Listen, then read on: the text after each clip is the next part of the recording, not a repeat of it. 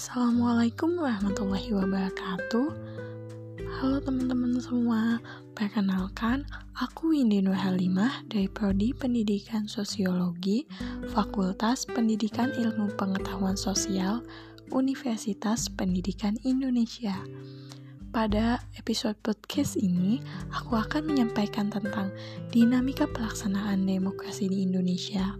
Oleh karenanya, sebelum itu, kita harus mengetahui terlebih dahulu apa itu demokrasi yang dilaksanakan oleh Indonesia. Berdasarkan ideologinya, demokrasi Indonesia adalah demokrasi yang berdasarkan Pancasila. Terdapat dua pengertian, Pertama, demokrasi Pancasila dalam arti luas yaitu kedaulatan atau kekuasaan tertinggi ada pada rakyat yang dalam penyelenggaraannya dijiwai oleh nilai-nilai Pancasila. Dan yang kedua, pengertian demokrasi Pancasila dalam arti sempit adalah kedaulatan rakyat yang dilaksanakan menurut hikmat kebijaksanaan dalam pemusyawaratan perwakilan.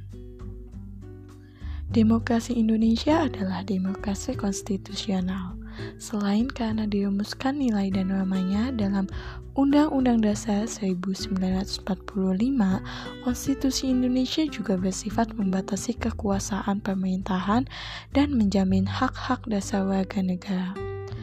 Demokrasi Pancasila berjalan sesuai dengan dinamika perkembangan kehidupan kenegaraan Indonesia. Prinsip-prinsip demokrasi Pancasila secara ideal telah terumuskan dan sedang dalam tatanan empirik yang mengalami pasang surut. Pelaksanaan demokrasi di Indonesia dari masa ke masa tidaklah sama. Mengingat undang-undang dasar yang berlaku pun berganti-ganti. Pergantian undang-undang dasar menyebabkan pergantian pula sistem pemerintahan. Oleh karena itu, untuk mengetahui bagaimana pelaksanaan demokrasi di Indonesia, kita perlu melihat ke sejarah perkembangan sistem demokrasi di Indonesia pada periode 1945 sampai 1949. Pada masa periode ini berlaku sistem demokrasi Pancasila dengan kabinet presidensial. Dan pada tahun itu juga pemerintah mengeluarkan maklumat dan mengakibatkan sistem demokrasi diganti dengan demokrasi liberal dengan kabinet parlementer. Pada tahun 1949 sampai 1950, lahirlah negara Republik Indonesia Serikat dengan konsep demokrasi liberal yang masih berlaku. Memasuki periode tahun 1950 sampai 1959, pemerintah Indonesia melaksanakan pemerintahan dengan sistem yang belum mengalami perubahan, yakni demokrasi liberal dengan kabinet parlementer ala Eropa Barat, khususnya Belanda. Di tahun 1959 sampai 1966, pemerintah Indonesia melaksanakan demokrasi terpimpin. Akan tetapi, karena adanya penafsiran yang salah terhadap demokrasi terpimpin, terjadi berbagai penyimpangan terhadap Undang-Undang Dasar 1945.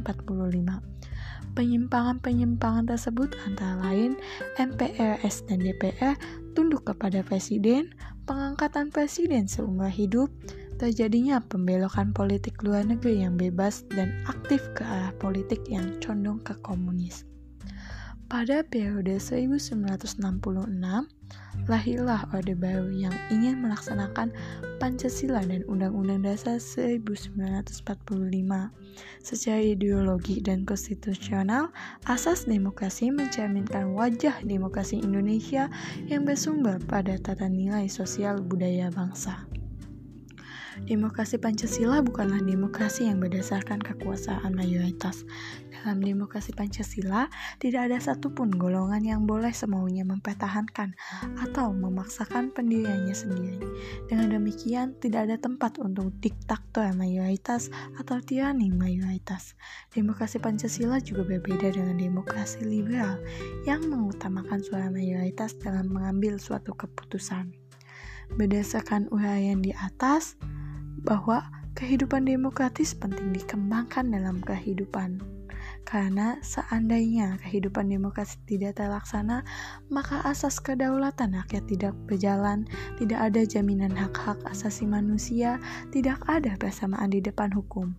Jika demikian, tampaknya kita akan semakin jauh dari tujuan mewujudkan masyarakat adil dan makmur berdasarkan Pancasila. Terima kasih. Wassalamualaikum warahmatullahi wabarakatuh.